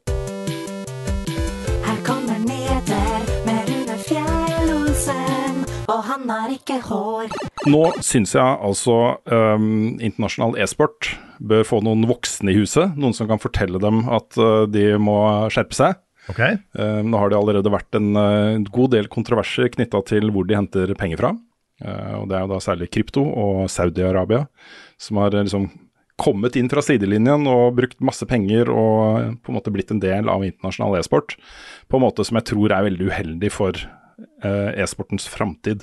Og så man kjører ned et spor hvor, eh, hvor man trenger disse pengene for å kunne vokse og sånne ting, og lukke litt øynene for, eh, for hvor de pengene kommer fra, for å ha råd til å gjøre de tingene du har lyst til å gjøre. ikke sant? Så For eksempel så var det jo nettopp en stor turnering i Saudi-Arabia, hvor eh, da eh, også norske lag dro nedover. eh, hvor, hvor det er altså Det er ikke lov å være homofil, f.eks. Eh, og flere av de som dro nedover, er jo homofile. Og må jo da svelge den kam kamelen og allikevel eh, akseptere eh, å dra dit. Fordi det handler om fremtiden til hele e-sporten. Og det blir så store, vanskelige beslutninger å ta. ikke sant? Jeg skjønner jo, jeg skjønner jo at dette er kjempevanskelig for små og store klubber som bare vil være en del av den sporten de er glad i, og vokse som bedrift og vokse som, eh, som utøvere og, og disse tingene. Og så sitter det noen og bare beslutter at nei, det, er, det er sånn det skal bli stort, folkens. Ja, det er en deal with the devil, ass. Ja, og den nye tingen nå er jo at nå har det vært en generalforsamling i det internasjonale e-sportforbundet, IESF, hvor eh, de skulle stemme på om Russland igjen da skulle få lov til å delta i internasjonale turneringer eh, som Russland, med russisk flagg og russisk nasjonalsang og sånne ting. Og på, i den avstemningen så stemte da 32 land for å oppheve alle sanksjonene. Bare 13 stemte imot, og 25 stemte blankt. Så nå får jo da Russland eh, igjen lov til å delta i internasjonale e-sportturneringer eh, som Russland, eh, med flagg og nasjonalsang og, og alle disse tingene. Dette er jo på en måte sanksjoner mot Russland på den måten etter Ukraina-invasjonen. Har jo vært litt sånn unisone når det gjelder sport og kultur og underholdning og den type ting. Det er et grep man tar da, for å vise Russland at vi tar avstand fra, fra det dere har gjort. Og det at øh, altså Ukraina er jo en del av øh, internasjonal e-sport også, har jo argumentert hardt for at de ikke burde gjøre det. Eh, eh, I liksom direkte samtale med de forskjellige landene så har de fått eh, klar beskjed om at ja, vi støtter dere eh, i dette her, vi er imot Russland i dette her. Eh, men så viser det seg, den anonyme avstemningen, at eh, de allikevel eh, stemmer for. Og jeg, jeg vet ikke hvordan det kan ha skjedd, egentlig. Er det eh, hva, hva har skjedd i bak, bakkant her? Hvorfor har mange land da valgt å stemme sånn som det er gjort? Jeg, jeg vet ikke, men det høres, det høres ikke bra ut uh, at det har blitt en sånn prosess. Er ikke bra. Så ja, dette, dette tror jeg får en del etterspill. Det er flere land da som nå velger å boikotte. Jeg tror Finland har gitt klar beskjed om at hvis det, eh, den beslutningen blir stående, så trekker vi oss. Eh, Ukraina selvfølgelig. Men også andre land vil trekke, eh, vil eh, gjøre tiltak. da. Og Jeg ser også at det norske e-sportforbundet har vært ute og tatt sterk avstand fra at stemmegivninga ble som den ble. Mm. Så vi får følge litt med på den. Eh, og så har jeg lyst til å eh, markere at, eh, at en god bekjent, god venn av meg, Jarle Ravn Grindhaug, som jo var en av grunnleggerne av Pressfire helt tilbake i eh, 2008, sammen med Kjetil Svendsen, nå forlater spilljournalistikken for å bli Chief Operating Officer i Rock Pocket Games. Ja, riktig. Han tar en Yokato, rett og slett. Han tar en Yokato, rett og slett. verst. Um, det er jo en, ja, det er en veldig spennende jobb, og jeg tror en god match for, uh, for Jarle også. Uh, Rock Pocket er jo et selskap som vil veldig mye. Også de uh, går på en måte og venter litt på, på et slags sånn internasjonalt uh, gjennombrudd. For det er de, det de sikter mot, at de lager spill av et ganske sånn internasjonalt uh, snitt. Og så er det også en, en gjennomproff bedrift som, som tar en del sånne oppdrag for cash money for å kunne liksom holde på med det de egentlig drømmer om å gjøre. Så, så dette syns jeg er en god match, og Jarle er en kjempefyr. Og jeg er helt sikker på at han kommer til å gjøre en god jobb her. Så det blir sikkert han vi mye snakker med, da. Når det blir snakk om, eh, om eh, de neste spillene til Rock Pocket og sånne ting. Det er litt ålreit å få en, en, eh, en som forstår hvordan jeg tenker, på den siden av bordet. Så gratulerer til Jarle, og gratulerer til Rock Pocket. Dette er bra greier. Congratulatore. Yes. dette har vi snakket om litt før, og det kan jo si såpass at det blir også et tema i denne eh, serien vi lager eh, for Medietilsynet, eh, om trakassering i spill og diverse temaer. Nå innfører Call of Duty eh, på globalt nivå AI-styrt voice chat-moderering den 10. november. Det er et, en betatest av det som er ute nå i USA, hvor eh, det, det det er snakk om er rett og slett at du har en, en AI eller maskinlæring som sitter og overvåker voice chat hele tiden. Når folk snakker med hverandre i eh, Modern Warfare, så er det en AI som hører på, og hvis den oppdager trakassering, så lager den da en rapport med lydfil eh, og en vurdering av liksom, hvilken grad av trakassering det er, om det er uh, kjønnstrakassering eller om det er Ikke sant. Eh, og så sender den inn til vurdering da, eh, hos Activision. Så det, det er ikke sånn at du automatisk blir banna. Nei, ok, Så det er et menneske som tar imot de vurderingene? Det er et menneske som tar imot de vurderingene. Ok, det er, det er en god ting. Ja, dette her kommer til å bli bransjestandard, eh, det er jeg ganske sikker på. Eh, og jeg, jeg syns jo det er flott, fordi det er jo ganske mange, har jeg inntrykk av, da, som mener at sånne spill som Warzone f.eks., uh, eller, eh, eller League of Legends, eh, bør ha rom, altså større takhøyde for den type drittslenging da, uh, når man spiller sammen. spiller sammen. At det er mange som på en måte anser det som en del av spillet. Og så blir de sure når de ikke får lov til å slenge med leppa sånn som de har lyst, på en måte. Uh, men det er en kjensgjerning også at mange da velger bort disse spillene fordi de er kjent for å være toxic. Ja, og så er det en vesentlig forskjell på lett drittslenging og eh, dis diskriminering. Absolutt. Og der er det også, Jeg vil anbefale folk som er usikre på hvor de grensene går, om å lese Code of Conduct til uh, Activision. Hvor de har i ganske eh, stor grad, uh, store detaljgrad beskrevet hva som er trash talk og banter, og hva som faktisk ikke er tillatt. Og Da er man jo over på, på hetsing av eh, legninger og kjønn og, eh, og hatprat og rasisme og, og den type ting. da, Som jeg ikke helt kan forstå at noen egentlig vil ønske å være en del av spillhverdagen sin. Ja, det er liksom Nei, det er ingen andre steder i samfunnet hvor det er greit. Nei. Ikke sant? Så dette er eh, spennende. Um, vi eh, er jo fortsatt veldig sånn på Boulderskate 3-kjøret, og det er det mange som fortsatt er. Det vil ta tid, tror jeg, før folk er på en måte føler seg ferdig med den opplevelsen. Ja, fy Vi er, vi er level 5. Ja. Vi er level 5. Nå kommer det jo på PlayStation uh, neste uke. Jeg tror det er femte, eller noe sånt. Eh, og så har da, uh, har da Larian vært ute og sagt at slapp av, folkens, det kommer også på Xbox. Så når, når den PlayStation-versjonen er ute, så, så fortsetter de å jobbe med den versjonen, og de sier at den skal komme før jul. Ja, for hvorfor eh, skulle det egentlig ikke være på Xbox? Jo, dette er en hel greie. Ja, det er faktisk en hel greie, fordi de har jo oppgitt Grunnen de har oppgitt, er fordi de ikke får til split screen på uh, Series S. Ja. Uh, og, for den er jo ikke like kraftig som Series X. Uh, og dette kommer jo da også bare på PlayStation 5, ikke på PlayStation 4. Eh, og nå har de sagt da at de fjerner split screen på S, eh, Xbox Series S, for å kunne lansere det på Xbox. Mm. Og så sier litt... de også at de skal introdusere det seinere, da.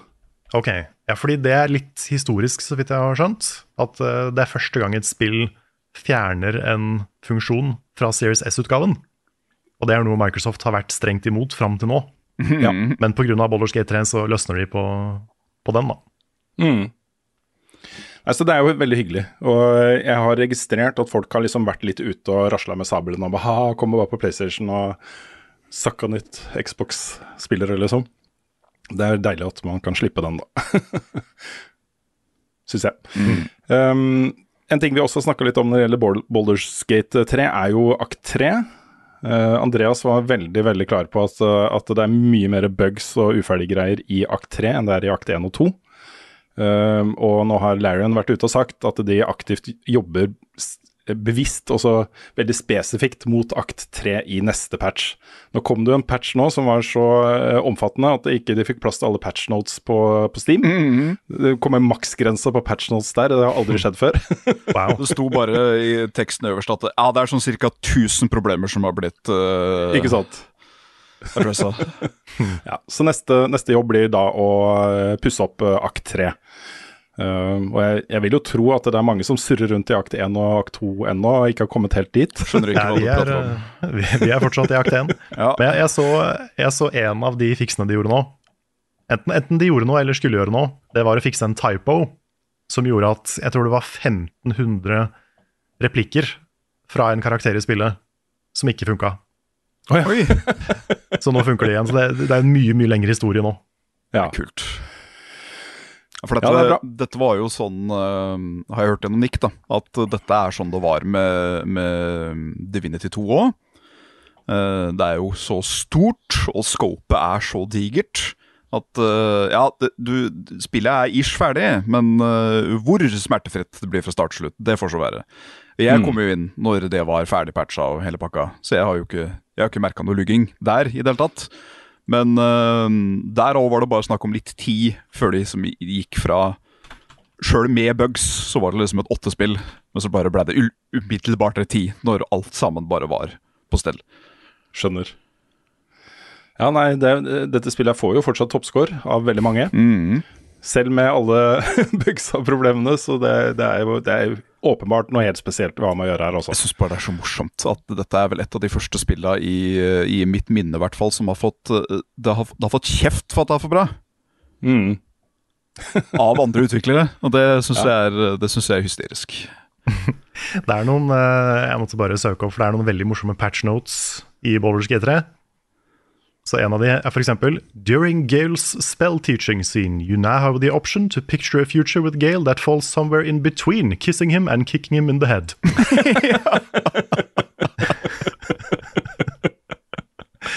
Og eh, det var den der også. Lazel no longer floats up and down during your dialogue where you discuss dating. Ja, det er herlig, altså. Det er kjempebra. Jeg må jo si at på en måte det at Boulders Gate 3 er så bra og gir deg så mye frihet til å skape din egen spillopplevelse, er jo et lite problem for også Starfield. da. Selv om vi er i forskjellige settinger og sånt her. Det er jo fortsatt et stort, åpent rollespill som konkurrerer mot et annet stort, åpent rollespill. Uh, og det er mulig å gjøre en case da, av at uh, en del av det innholdet du finner i Boulders Gate 3, eh, kanskje er bedre enn det du finner i Starfield. Det er, jeg tror det var ekstremt smart av de å slippe det spillet en måned før. Ja.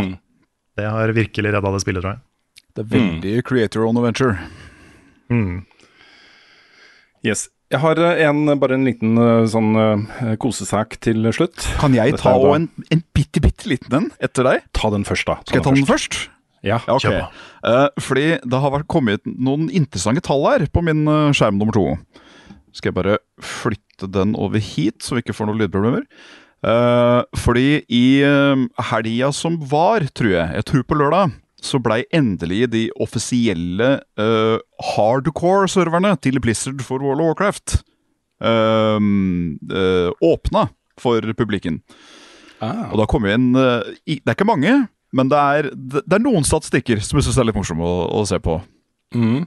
Det er at siden launch så har det dødd 360 000 spillere. Oi. Eh, average level at death er 9, og da maks 60. Ja.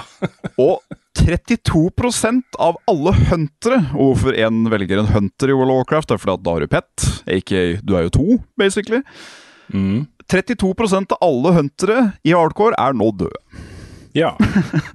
Jeg syns det bare var litt sånn ha, Kan du, se. Eh, du har jo snakka mye om hvor uh, utrolig vanskelig det er å faktisk komme seg gjennom Ja. å spille i hardcore, så jeg er ikke så overraska. Det er eh, det at du skal være self-made man i et sånt type spill som et MMO, det er ikke bare bare, ass.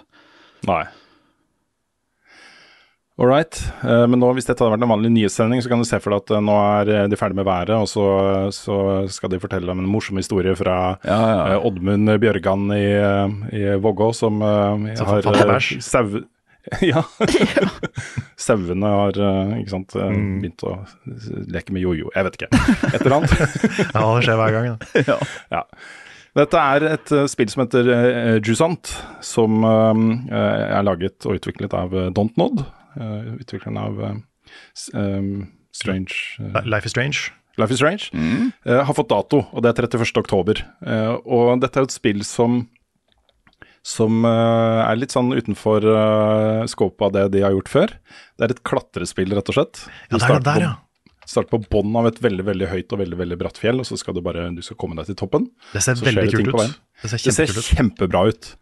Og det er eh, det, det har også fått veldig god omtale av de som har testa det på Gamescom og sånne ting. Så um, det er et sånt spill, sånt indiespill som det er verdt å sette noen streker under. Og jeg er veldig gira på det sjøl. Jeg husker, jeg tror jeg kanskje til og med snakka om det i level up-sammenheng, men eh, vi får jo av og til spørsmål om hva slags spill har du lyst til å lage. Og en av de ideene jeg har snakka om, er jo nettopp det.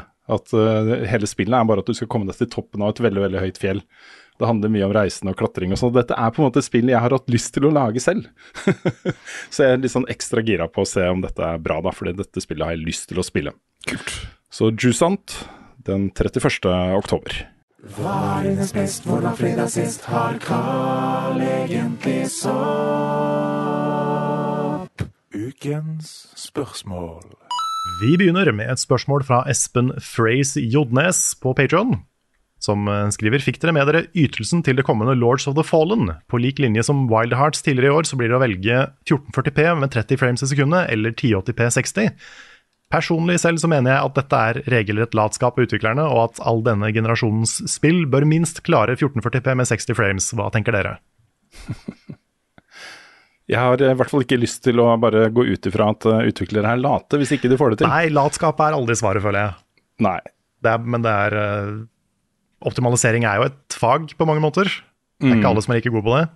Og de, de burde jo kanskje hatt en optimaliseringsspesialist av noe slag for å få dette her på plass, men det, jeg, det plaga meg egentlig ikke så mye i Wild Arts, Nei. må jeg innrømme. Nei, det er litt sånn også, Det som skjer her, er jo at man setter seg ned, og så bygger man en, eh, en verden eh, som ser sånn og sånn ut. Og så lager man eh, assets, og, og så begynner man å liksom optimalisere og få det til å funke. Og hvis man kommer da til et punkt hvor eh, du må gjøre store eh, nedskaleringer av det grafiske nivået du har lagt deg på for å kunne få til å kjøre det i 60 FPS eh, 1440P, eller 4K, Mm. så må man jo ta et valg, da. Og Starfield har tatt det valget, eh, som er da 30 på, på Xbox eh, Series S og X, og 60 på PC, i hvert fall eh, ofte 60 på PC, det hender det er litt lavere enn det. Mm. Jeg har også hørt utviklere beskrive Tears of the Kingdom som et uh, mirakel. At Mm. det i det hele tatt kan kjøre på Switch. At det er helt, helt utrolig. Ja.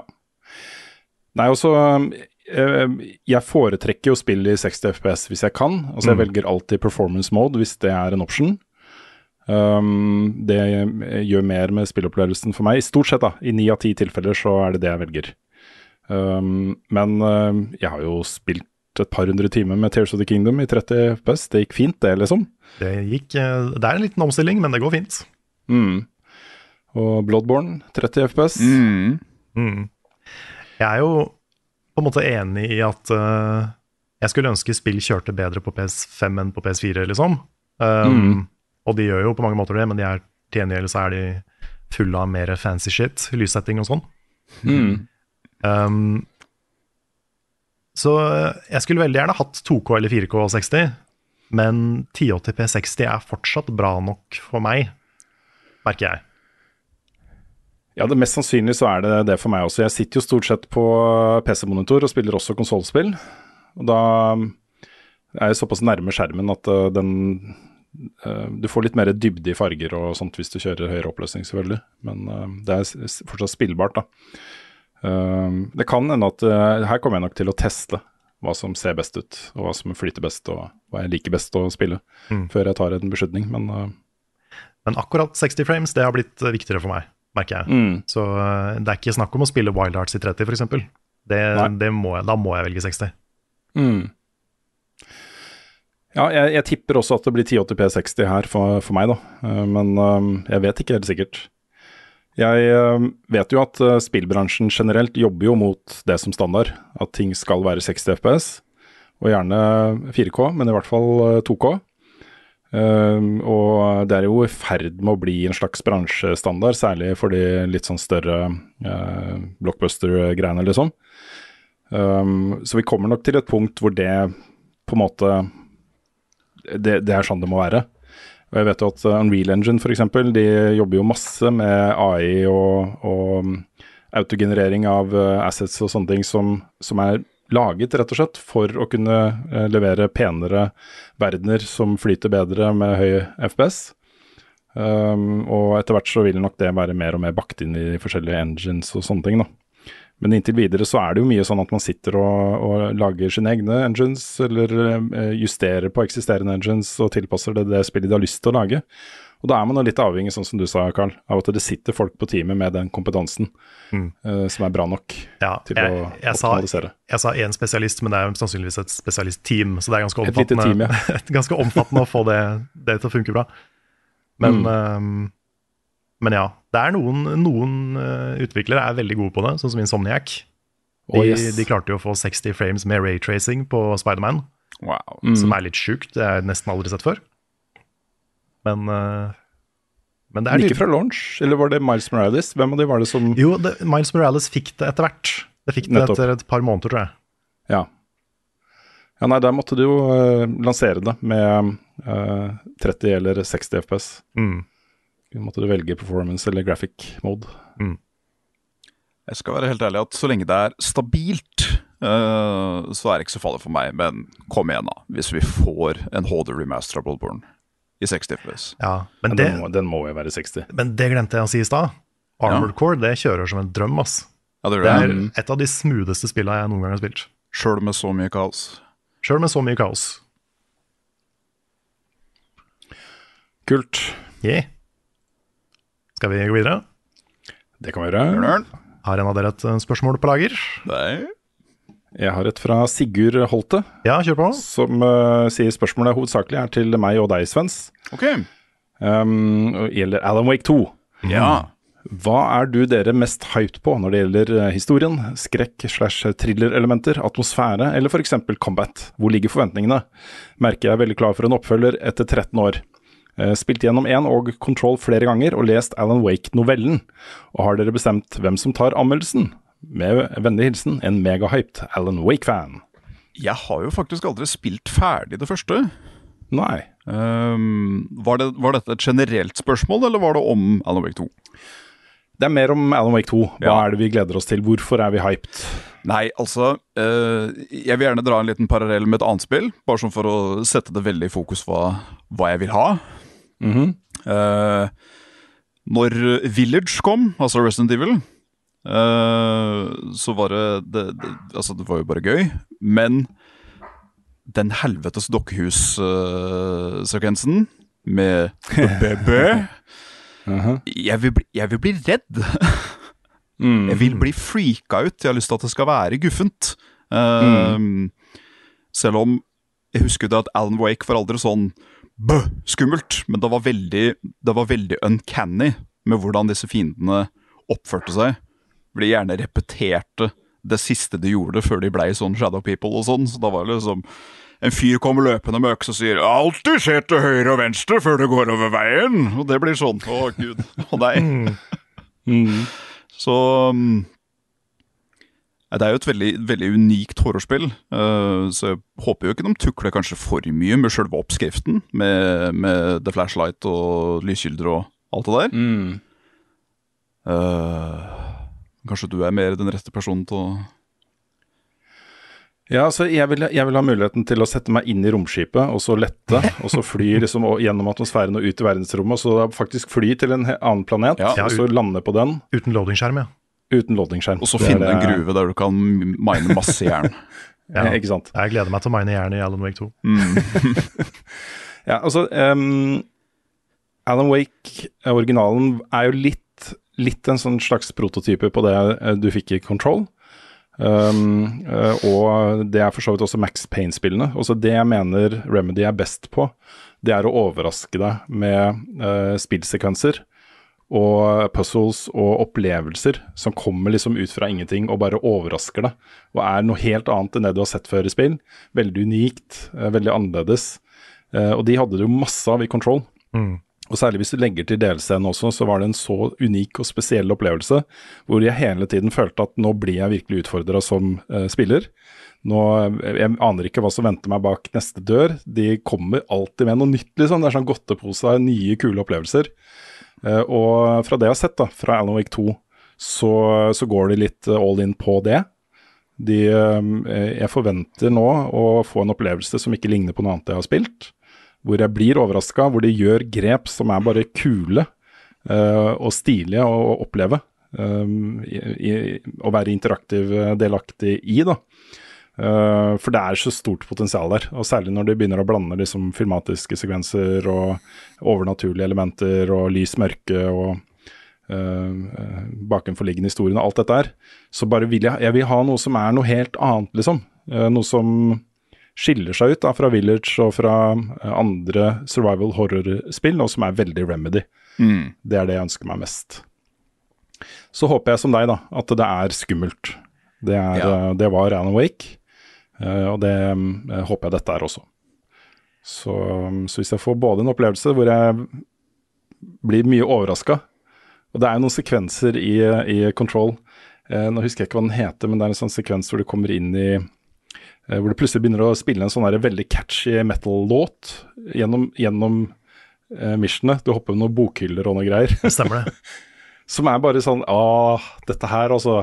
Tenk at dette er også spill. Dette er også eh, en, en interaktiv opplevelse. Jeg vil ha sanne, Det er sanne høydepunkter jeg, jeg gleder meg til. Da. Mm. Så, så jeg er kjempespent. Det, det kan ende opp Det har liksom potensial til å bli mitt favorittspill i år, hvis eh, de får til alle de tingene de, de prøver på. Ja, jeg også har eh, lyst til å spille det, men eh, da kanskje, kanskje jeg bare kan gi alle de skumle delene til deg, Svens, siden du spesifikt har lyst på det.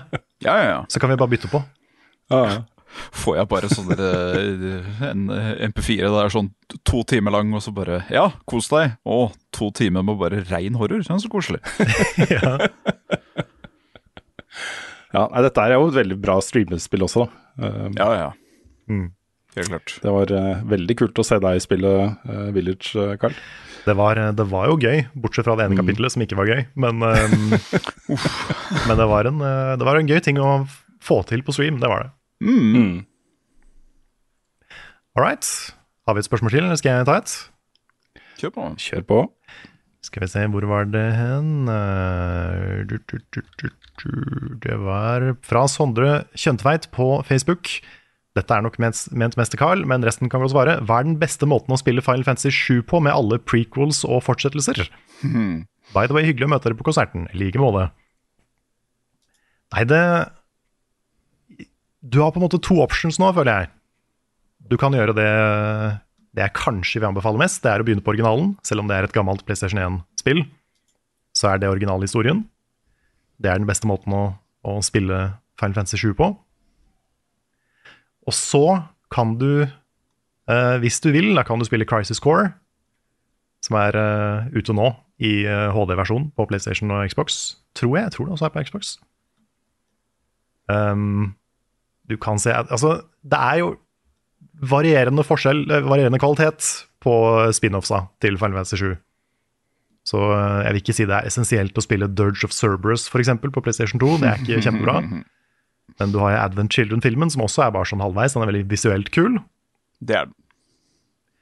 Men jeg ville enten begynt med Final Fantasy 7, eller begynt med Final Fantasy 7 Remake og gått tilbake og spilt Final Fantasy 7.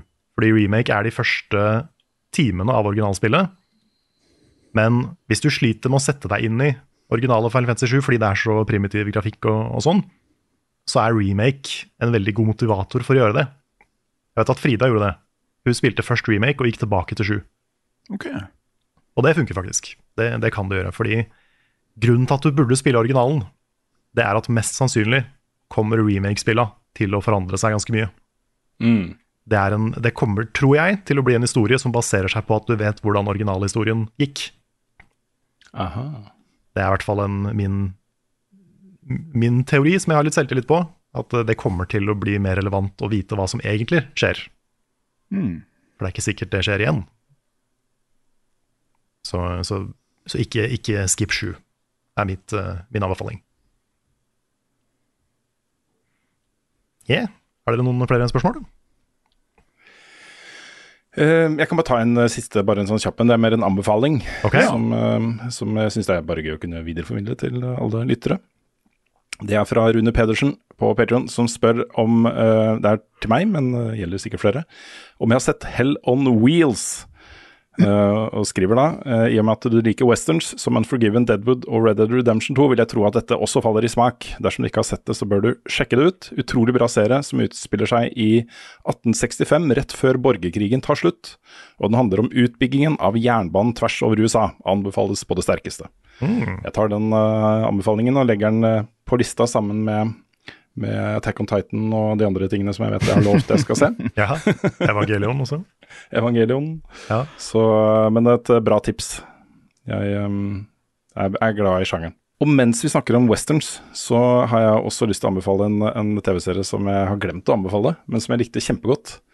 Eh, det er en, en westernserie det også, med Emily Blunt i hovedrollen. Mm. Eh, serien heter The English. The English. Og den er eh, den er veldig sånn hardkokt, og den uh, sirkler på en måte rundt, uh, rundt um, uh, okkupasjonen av, av Native Americans, altså indianernes landområder og, og, sånt. Og en av hovedpersonene her er også en, en indianer, som, som, Emily Blunt da ender opp med å reise sammen med.